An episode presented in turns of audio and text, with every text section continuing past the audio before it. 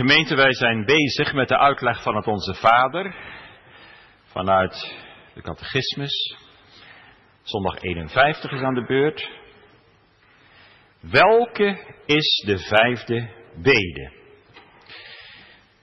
Vergeef ons onze schulden, gelijk ook wij vergeven onze schuldenaren. Dat is, wil ons arme zondaren. Al onze misdaden. En ook de boosheid die ons altijd aanhangt, om het bloed van Christus niet toerekenen. Zoals wij ook dit getuigenis van uw genade in ons bevinden, dat het ons ganse, ons totale voornemen is, onze naaste van harte te vergeven. Niet over een maand, maar nu. Gaat op scherp van de snede vanmiddag. Wij zijn en blijven arme zondaren. Bent u het daarmee eens? Ik ben wel gered gemeente en velen met mij. Maar daarom blijven we nog wel arme zondaren in onszelf, want daar gaat het om. We letten op een gevaarlijk gebed. Onze misdaden en onze boosheid. Dat is wat, hè, zulke woorden. En dat voor christenen. En de vergeving van onze schulden. Ik kan best wel wat overblijven voor de volgende keer, omdat het nu zo warm is. U hebt natuurlijk allemaal wel eens gehoord, gelezen van Corrie ten Boom. Een wonderlijk begaafde vrouw. Met haar zus Betsy heeft zij in de oorlog in het eh, concentratiekamp gezeten in Ravensbrück. En daar is haar lieve zus vanwege honger, ziekte en mishandeling gestorven. Later is Corrie de hele wereld overgereisd. Ze gaf lezingen. Ze heeft veel boeken geschreven. En in een van haar boeken lezen we het volgende verhaal. Ze schrijft, ik had een lezing in Berlijn. En na afloop hield ik spreekuur voor de mensen die over het onderwerp nog persoonlijk met mij wilden napraten. Toen kwam er een meneer naar me toe. En ik zei, waarmee kan ik u helpen? Hij kreeg een brok in zijn keel en keek wanhopig rond. Eindelijk begon hij te spreken. Hij zei: Ik ben een van de oppassers uit Ravensbrück. Ik was er toen u daar gevangen zat met uw zus. Met kerst heb ik over Jezus gehoord. Ik heb mijn zonde beleden.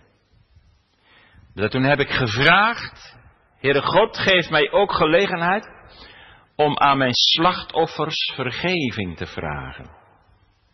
En daarom ben ik hier vanavond. Wilt u mij vergeven? Dan staat er, ik citeer nog steeds die vrouw, Corrie ten Boom. Ik stond op en gaf hem de hand. Het was op dat moment of Gods liefde door mij heen stroomde. Een groot mededogen kwam in mijn hart voor deze man, die zo lang in de duisternis had gezeten. En nog, ik zei, ik vergeef u alles. De man werd ontroerd. En ik ook. God heeft mij alles vergeven. En zijn zoon voor mij overgehad. Zou ik dan een van mijn beulen niet vergeven? Als hij daarom vraagt. U begrijpt wel, gemeente, waarom ik daar de preek vanmiddag mee begin. De preek over zondag 51 met dit voorval. Want wij zijn gekomen tot de vijfde bede in het Onze Vader. Vergeef ons onze schulden, gelijk ook wij vergeven onze schuldenaren. Het is best een riskant gebed. U zegt, kan dat ook nog? Jazeker. Aan het bidden kunnen ook gevaarlijke kanten zitten. Je kunt bijvoorbeeld verkeerd bidden, je kunt ongelovig bidden, je kunt eigenwijs bidden, je kunt dwingerig bidden, je kunt egoïstisch bidden en ga zo maar door. De vijfde bede is eigenlijk een gevaarlijk gebed. En dat zit hem in het aanhangsel, zegt Ursinus, die de catechismus heeft opgesteld. En zijn onderwijs ligt in het, is in het schatboek eh, gedrukt. Dat ligt in het aanhangsel. Welk aanhangsel? Gelijk ook wij vergeven onze schuldenaren. De vergevingsgezindheid van de schuldige is van levensbelang voor de schuldvergeving. En met dit aanhangsel staat of valt alles. Calvijn heeft eens gezegd, met deze bede kunnen we ook het oordeel van God over ons leven afbidden. Want wat zeggen wij? Vergeef ons onze schulden, gelijk ook wij vergeven onze schuldenaren. We zeggen, behandel ons, o Vader, in de hemel, zoals wij ook onze naasten behandelen. Vergeef, zoals wij ook onze naasten vergeven. Marcus 10 zegt, daar zegt de Heer Jezus, indien gij echter niet vergeeft, zo zal ook uw Vader, die in de hemelen is, uw overtredingen niet vergeven. Dus als wij haatdragend zijn en er niet toe kunnen komen om onze naasten te vergeven, dan vergeeft de Vader ons ook niet. Dat staat er. Dat betekent natuurlijk niet dat onze vergeving de grond is voor Gods vergeving. Dat is heel wat anders. Er staat, er staat niet omdat wij vergeven, maar gelijk als wij. Onze vergeving kan nooit de grond zijn van Gods vergeving. Dat zien we zo, dat is het bloed van de Heer Jezus.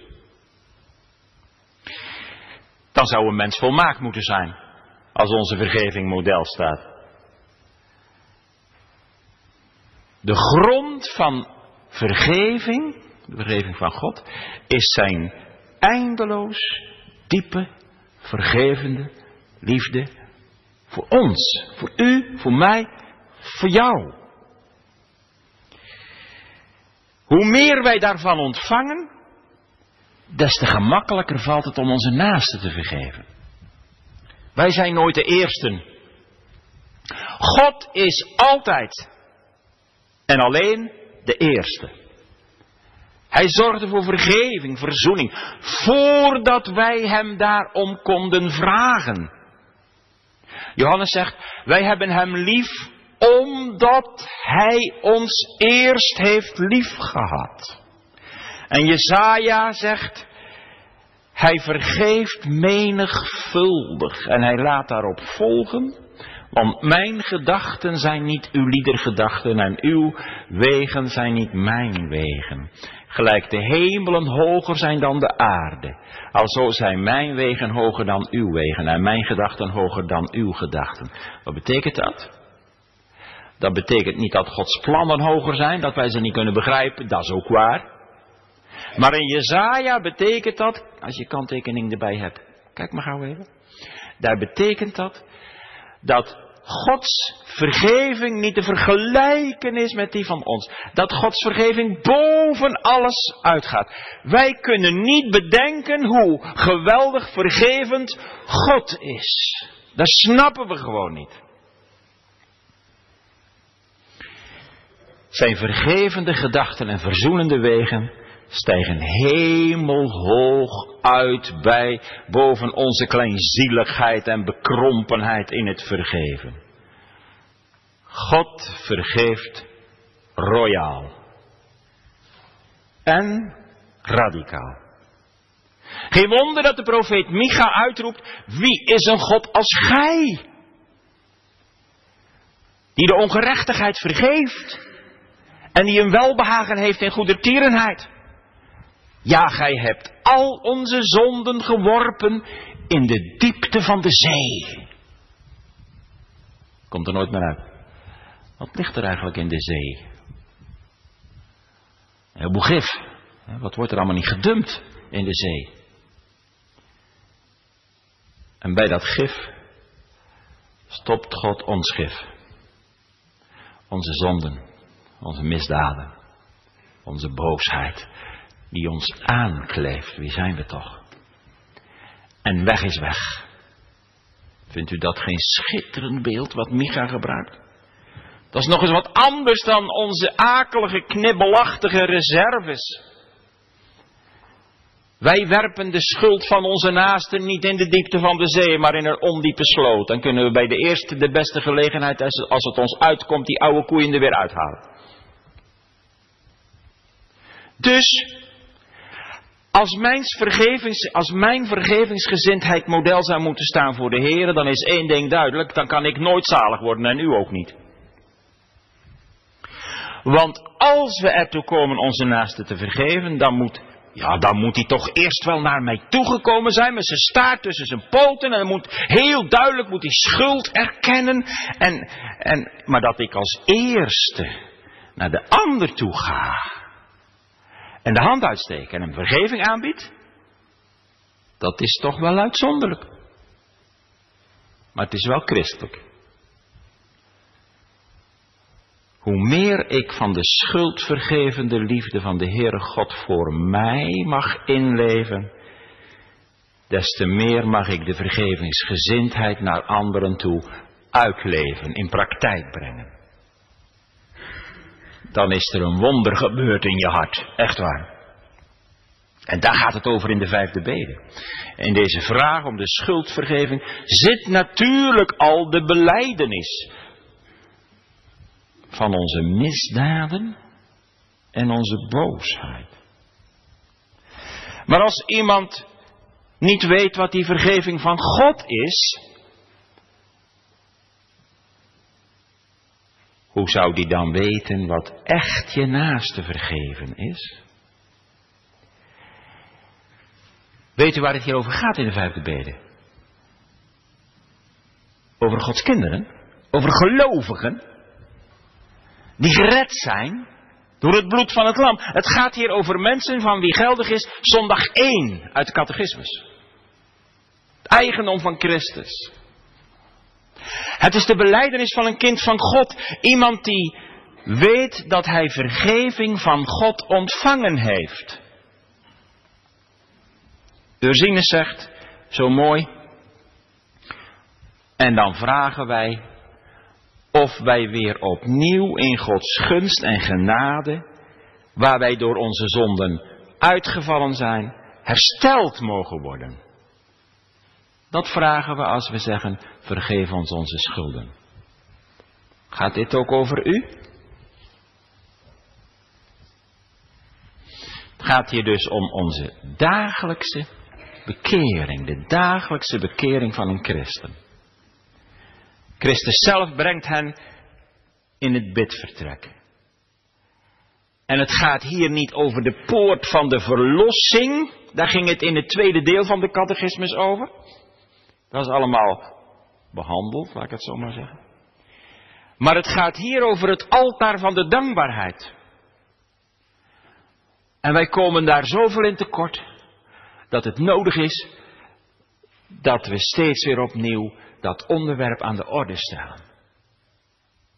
Hier zijn mensen aan het woord die in genade, de genade van God hebben leren rommen. En in het offer van de Heer Jezus. Daar ligt onze zaligheid in vast. Onwrikbaar, eeuwig. Hij laat je nooit meer los als je eenmaal in zijn doorboorde handen bent. Het gaat hier in de vijfde bede dus niet om iemand die voor het eerst met de hemelse rechter in aanraking komt. En geen cent heeft om te betalen. Het gaat hier over een kind van God die gerechtvaardigd is door het geloof en die God aanspreekt met de vadernaam. Onze Vader die in de hemelen zijt. Het gaat hier niet over een eisend rechter. Maar over een goedertieren vader. Vader, vergeef ons onze schulden, onze dagelijkse tekortkomingen. Ja, waar zeggen we ja op? Maar misdaden? Een boosheid? We komen zo tekort in onze dagelijkse bekering. O Vader, help, vergeef, laat ons als uw kinderen uw liefde en vergevingsgezindheid ook afspiegelen naar onze naasten toe.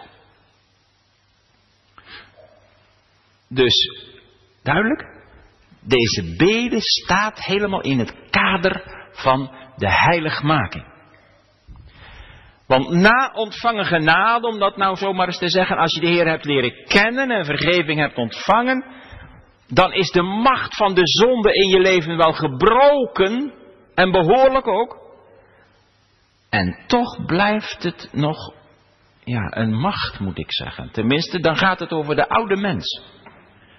De oude mens, dan staat er, ik begeren van het vlees, Romeinen 7.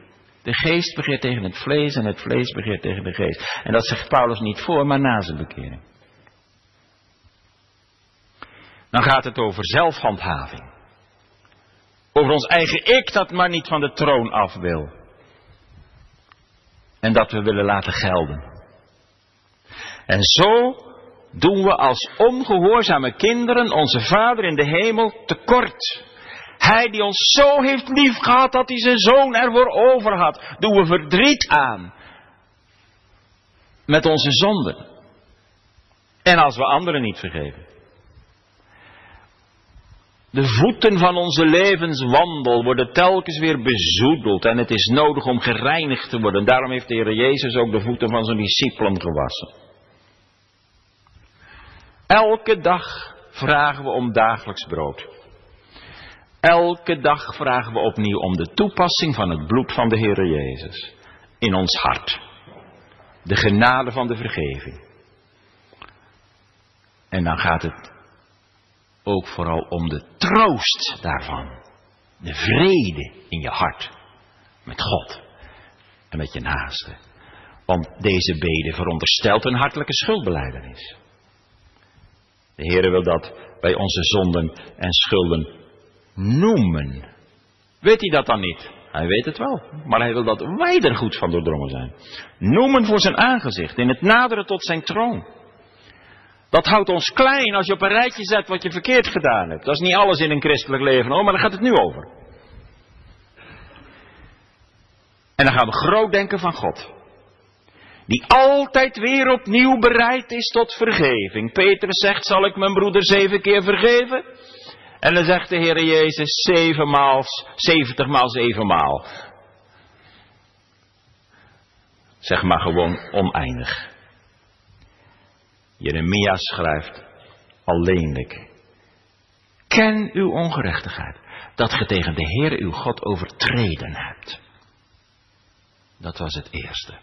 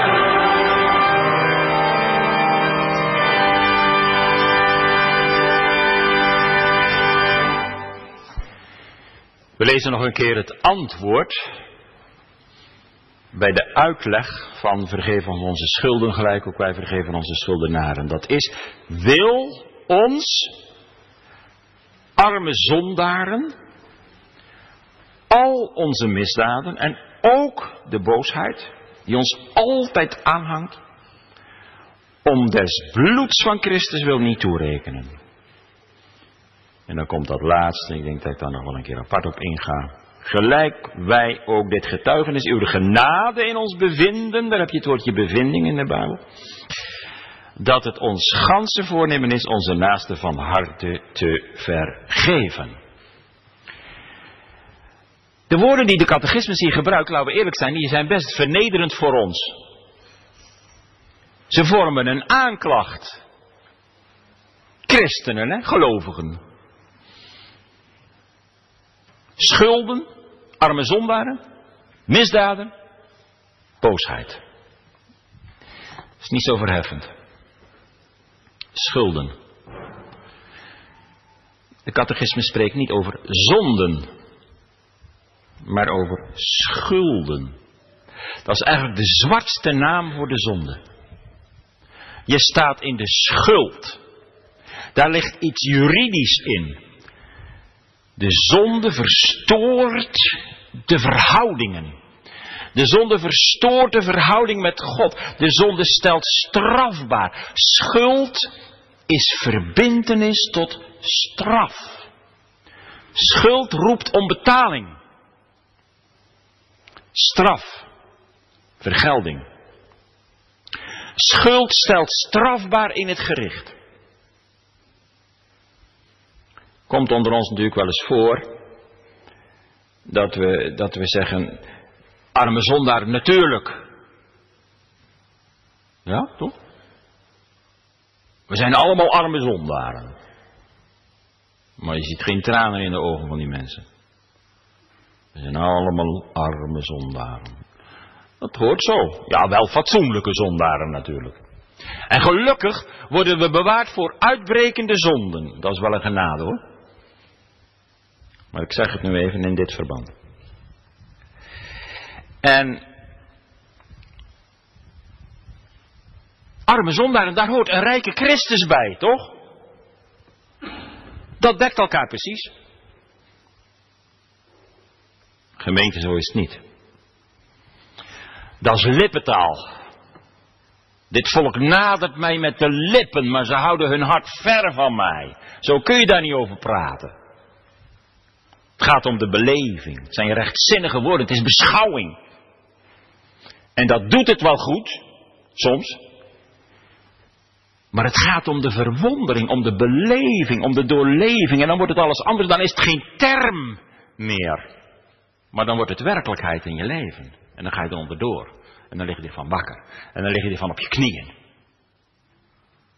Arm. Dat is onze schuld, die zo groot is dat ze niet te betalen is. Dan ben je echt arm, een arme zondaar. En lieve gemeente, als de Heilige Geest je ogen daarvoor opent, en dat hoort bij de waarachtige bekering, dan ga je zien hoeveel je verknoeid hebt in je leven. En voor jezelf geleefd. En misschien als net mens toch jezelf gezocht. En misschien wel je naaste bedrogen. En God verdriet aangedaan. En om op het hart getrapt door consequent zijn liefde waarmee hij tot ons komt in Christus Jezus te verwerpen. En moord gepleegd in gedachten. En misschien de geldgod lief gehad. Dat kun je goed verbergen. Gods naam misbruikt. Kijk, dan worden ons, als je dat gaat zien hè, in je eigen leven, wat je ervan terechtgebracht hebt, dan, gaat, dan worden je je schulden als sterren aan de hemel. Onze schulden staat er. Dus dat is persoonlijk. Die van u en die van jou en die van mij. Daar gaat het over. En die schuld, die gaan we dan eigenen. Dan moeten we voor de rechter van hemel en aarde komen. En we kunnen de schuld niet op een ander schuiven. En dan wordt de Heer Jezus dierbaar en noodzakelijk als Hij verkondigd wordt. Er is ontkoming. Ik kan nog zalig worden in een weg van recht, Gods liefde. Ik moet beleiden. Ik moet mijn leven anders inrichten. Kunt u hierin meekomen? Ik denk dat u dan wel op de weg bent, op de weg van het geloof, maar nog helemaal aan het begin. En u bidt, Heere, vergeef mij al mijn zonden die uw hoogheid schonden, zeker. En je begint iets van de vergevende liefde van God te ervaren. Maar je kent nog niet wat hier de vijfde bede bedoelt. Hier staat, Vader, vergeef, alstublieft. Zoals ik het net tekende, sta je nog voor je rechter. Vader, lieve hemelse Vader, die in Christus Jezus mijn Vader geworden zijt, mijn schulden, mijn zonden, mijn misdaden. Misdaden, dat is ook een woord gemeente. En dat beleef je dan ook echt. En niet alleen maar aan het begin. Nog duidelijker in het licht van Gods liefde, die Hij geschonken heeft in je hart. Misdaden. Dat dat zijn eigenlijk zonden die je doet nadat je tot bekering en tot geloof gekomen bent. Kijk, een misdadiger zeggen wij, ja, dat is een crimineel, dat is verschrikkelijk. Maar de catechismus noemt, gebruikt hier misdaden voor zonden die we doen terwijl we de Heere kennen en Hij ons heeft lief gehad. Je weet beter je hebt gezien wat het Christus heeft gekost en wat het God heeft gekost, zijn eigen zoon. Dat dure, dierbare bloed van de Heere Jezus. En als je dat ziet in dat licht, dan slaan, slaan we de zonde heel zwaar aan. En dan zeggen we niet, het zijn maar een beetje tekortkomingen en iedereen maakt wel eens een foutje. Nee, misdaden. En misdadigers worden in de gevangenis. Vader, ik schaam me diep. Ik weet beter. En toch. Ik wil het niet. En toch, zegt Paulus. De zonde. Vergeef. Al mijn misdaden en vernieuw mijn leven. De boosheid die ons aankleeft, aanhangt, dat is ook wat. Dat gaat eigenlijk nog dieper. Want dat is de bron van al die misdaden, van al die zonden. Dat is, dat is je verdorven aard je kwade begeerten, je boze lusten, je verkeerde neigingen. Terwijl je wedergeboren bent tot een levende hoop. Maar dat oude levensbeginsel schijnt of blijkt nog niet dood te zijn. De afsterving van de oude mens is nog steeds een proces, in proces. Hier daalt de catechismus dus eigenlijk af tot, tot, tot de diepste levenswortels van ons. Je, zonde, je boosheid die je aankleedt, je zondige natuur. Scharlakenrode zonden. En dan kan je onder gebukt gaan. Maar u mag vanmiddag horen, gemeente, dat de Heer Jezus, dat God in Christus door de Bijbel ons toeroept, al waren uw zonden dan als scharlaken, blijft er niet mee rondlopen. Wit als de sneeuw zal ik ze maken. Al waren ze rood als karmozijn. Ik maak ze als witte wol. Zo zuiver en rein. Ach, wie kan er volmaakt leven? Wie kan er volmaakt anderen vergeven?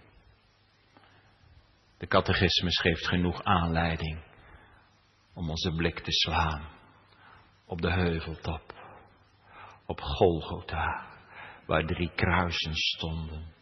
En we kijken naar dat middelste kruis. Daar hing hij, zonder zonde. En hij bukt en hij buigt onder het recht van zijn vader. Vader, laat mij maar uit uw gemeenschap gebannen worden, opdat degenen die gij mij gegeven hebt mogen bukken. En dat gebeurt, gemeente. Een druppel van dat kostbare bloed van Christus op ons hart en we breken. Je hart breekt. En in zijn bloed, in Jezus bloed, klopt zijn hart, zijn middelaarshart. Voor misdadigers. Want we luisteren nog steeds naar hem aan dat middelste kruis. Vader, vergeef. Dat zijn zijn beulen. En wie ermee te vergelijken zijn. Vader, vergeef. Ze vergeef het hun, ze weten niet wat ze doen. En God hoort. Op de Pinksterdag worden velen van degenen die hem doorstoken hebben tot bekering gebracht. De geest breekt de weerstand en een mens gaat buigen. Die ene misdadiger aan Jezus kant, ja, die verhardt zich.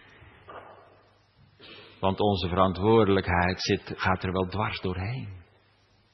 En die andere die bukt en die zegt, gedenk mijner als gij in uw koninkrijk gekomen zult zijn. En hij krijgt antwoord, heden met mij in het paradijs. Die, hier zien we wat genade vermag, gemeente. Hoe wilt u de eeuwigheid ingaan, jongelui? Veertien jaar. Ik zal niet zeggen, steek je vinger maar op, dat is misschien een beetje flauw, maar er zijn er heel wat die veertien jaar zijn. Ook in de kerk vanmiddag, jongens en meisjes. En je weet wat er gebeurd is en wat ik bedoel. En als er zoiets met jou gebeurt, ben je dan bij de Heer Jezus? Ben je dan in de hemel? Ben je gered? Dat moet je nu weten. Niet straks, maar nu. En dat kan. Jouw leeftijd van 13, 14, 15, 16, dat is de leeftijd waarop je echt met heel je hart je leven aan de Heer overgeeft. Natuurlijk kan dat vroeger, natuurlijk kan dat later, maar hij zegt niet voor niks, geef mij je hart. God steekt als eerste de hand naar ons uit. En dan zeg je, Heere, vergeef. David zegt het ook. David was, een, de man naar Gods hart. David, was een bekeerde man. En David die was koning. En uh, David had een heleboel goede eigenschappen. En uh, die zegt op een gegeven moment: Heere, vergeef mijn misdaad. Want het is toch maar een klein beetje. Nee, Heere, vergeef mijn misdaad, want die is groot. Had gezondigd tegen het zevende gebod, Batseba. Dus David vraagt niet om vergeving als iemand die helemaal aan het begin van de weg staat, wat wij wel eens een bekommerde ziel noemen. Dus het mag best hoor, maar ik denk dat het heel je leven doorgaat hoor, dat je bekommerd bent vanwege je zonde. Hij, hij vraagt dat als een man die weet wat vergeving is. Nadat hij God heeft leren kennen. En daar gaat het hier om. Vader, vergeef mijn misdaden. Om het bloed van Christus, om dat middelste kruis. De reinigende kracht van Jezus bloed. Hij heeft daar gehangen op Golgotha. Hij heeft de prijs betaald. Hij is van God verlaten. De drieurige duisternis was om hem heen. Mijn God, mijn God. En daarom ligt er een oneindige waarde in zijn bloed, want hij is God en mens. Eén keer is zijn bloed gevloeid op Golgotha. En daarmee zijn één keer de zonde verzoend. Dat is geschied. Het is volbracht. De schuld is betaald. En dat is het geheim waar de Heilige Geest ons steeds dieper in in wil leiden. De dien dagen, zal er een fontein geopend worden voor het huis van David en de inwoners van Jeruzalem tegen de zonde en tegen de onreinheid. O mensen, toch wil Zacharia zeggen. Kijk eens, God heeft gerekend met de boosheid van ons hart. En in het kruis is vergeving keer op keer dagelijks. God zegt nooit, ben je daar nu weer al? Verandert dat nou nooit een keer met jou?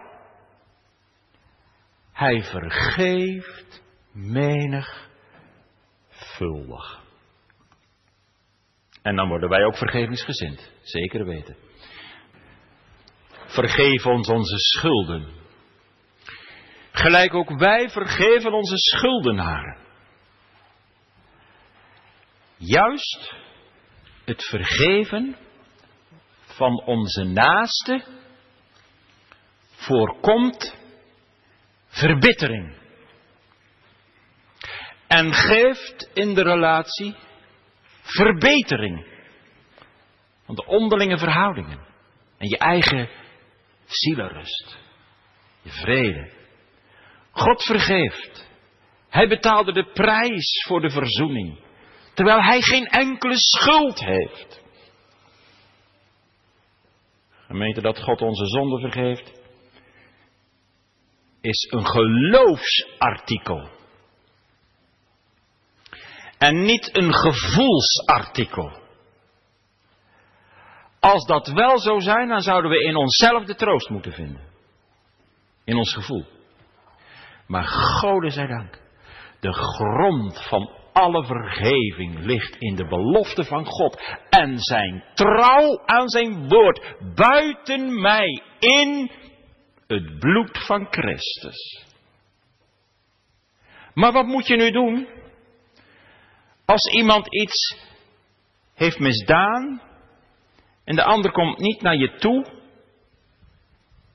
om om vergeving te vragen. We zeggen ze vaak, en laten we eerlijk zijn, deze dingen zijn gewoon praktisch, die komen voor. Ook gemeenteleden onderling. Ik denk dat ik gelijk heb bijvoorbeeld. En die ander die heeft geen gelijk. Maar er is frictie. En moet ik dan wachten tot die ander naar mij toe komt en vergeving vraagt? Nee, we hebben niet alleen Matthäus 18, we hebben ook Matthäus 6. Als ik weet dat een ander echt iets tegen mij heeft en vindt dat ik ergens schuldig aan sta en ik vind het niet en ik vind dat die ander de schuld heeft, dan staat er, dan moet ik toch naar die ander toe gaan. En zeggen, jij hebt blijkbaar iets tegen me, waarom? Kunnen we dat niet eens even uitpraten? Dat is Matthäus 6. Je hoeft dus niet te blijven wachten tot de dader komt. Maar je neemt je eigen verantwoording. Dan kun je het beste een geloofsbesluit nemen. En in je gebed tegen de Heer zeggen: Heer, ik ben bereid om de ander te vergeven. Of die erom komt vragen of niet. Dat bevrijdt je van bitterheid. En als het nu heel erg is, bijvoorbeeld bij eh, incest of misbruik, moet je dan ook vergeven. Laten we veel bidden voor naasten die dat overkomen is. Maar dan moet je in de eerste plaats heel veel tijd nemen. Tijd om van je beschadiging genezen te worden, als dat nog kan. En als dat mag gebeuren en daarna, dat je, als je psychisch weer gezond mag zijn of redelijk gezond, dan zou je kunnen proberen te komen tot vergeving. Maar dat kan nooit als bij die vergeving de dingen niet rechtgezet worden en eerlijk besproken worden en eerlijk vergeving gevraagd wordt. Een heel moeilijk proces.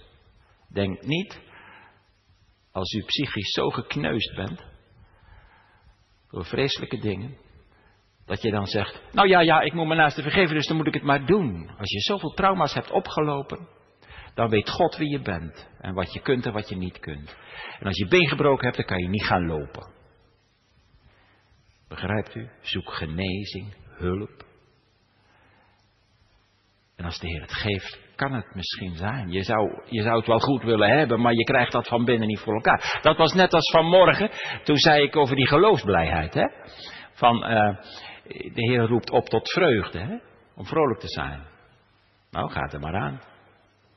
Kijk, als je gezond bent en je kan heerlijk fietsen en je kan overal komen en je kunt, dan is het niet zo moeilijk. En toch zei ik, het is niet geworteld in de omstandigheden, maar in de genade. Maar gemeente laten we wel eh, rekening met elkaar houden als iemand depressief is. Ik weet wat dat is. Ik heb dat een poosje gehad in mijn levenstijd. En dan kan je niet blij zijn. En dan kan je helemaal niks in geloofsblijheid eh, tentoonspreiden. Ik zat alleen maar te bidden om de wederkomst. Ik denk, dan ben ik van alle problemen af. Dat is ook geen goede houding natuurlijk. Maar ik bedoel te zeggen, gemeente, ik wil dat toch even zeggen. Laten we alsjeblieft begrip hebben voor elkaar. Wat je niet kunt, dat kun je niet. God vraagt niet dingen die wij niet kunnen. Ook in de opvoeding van onze kinderen moet je dat in de praktijk brengen, dat je bij, die vergeving um, pastoraal te werk gaat, niet te gauw een kusje geven en zeggen, kom maar, het is allemaal weer voor elkaar, fijn hoor. Nee, je moet er gewoon eerlijk over praten, wat er fout was en wat er gebeurd is en wat er is misgegaan en waarom je daar zo'n pijn van hebt. Want dan krijgen je kinderen er ook een veel beter begrip van wat het inhoudt, wat onze zonden voor God betekenen. En, en als hij dat vergeeft, wat dat betekent. Dus je kunt ook te snel vergeving schenken. Er moet gelegenheid zijn voor de ander om berouw te tonen. Vergeven betekent niet dat de gevolgen van wat er gebeurd is opeens verdwenen zijn. Die moordenaar, die stierf wel aan het kruis. De gevolgen kunnen zo groot zijn dat mensen, ondanks dat ze elkaar vergeven hebben, toch niet meer met elkaar kunnen omgaan zoals voorheen. Denk even aan Paulus en Barnabas. Die na een ruzie met elkaar, toen er verbittering ontstond, nooit meer samen op reis geweest zijn. Dat kan het gevolg zijn. Maar er moet wel vergeving zijn. Om het bloed van Christus wil, vergeeft God ons. Die barmhartige hoge priester. Indien wij gezondigd hebben, wij hebben een voorspraak bij de Vader. Heere, reken het niet toe. We hebben die geschiedenis van de talenten. Eh, die, die man die 10.000 talenten kwijtgescholden was en die daarna een medebroeder bij de keel greep en zei: Je zult betalen die paar centen die je nog schuldig aan mij bent. Nou, dat is een heel duidelijk voorbeeld hoe het niet moet niet toerekenen. Dan zal God ons ook niet vergeven als we zo handelen. Trouwens, je moet dat omdraaien. Dat is een bewijs van het feit dat God ons niet vergeven heeft. Zo kan ik het beter zeggen. Eens en voorgoed heeft God onze zonden van verleden, heden en toekomst vergeven. En dagelijks bidden we om de troost van de vergeving, de beleving ervan. En dat brengt ons iedere dag bij de fontein van Jezus bloed. En dat kan je zien in het leven van mensen. Wie veel vergeven is, zegt de Heer Jezus, die heeft veel lief. Dat is toch te zien? Komt openbaar in de vruchten. Vergevingsgezindheid, ik kom nog wel een keer op terug. De minste zijn. Ja, dat hoort ook bij het christelijk geloof. Die legt, dan leg je alle toorn en braakgierigheid en haatdragendheid af. Gelijk ook wij vergeven onze schuldenaren. Gemeente, ik ga stoppen. Wij blijven arme zondaren. En dat is geen understatement, maar dat is waar. Dat is bevrijdend om dat echt te geloven. Wij hoeven ons niet groot te houden. Ook niet op ons sterfbed. Amen.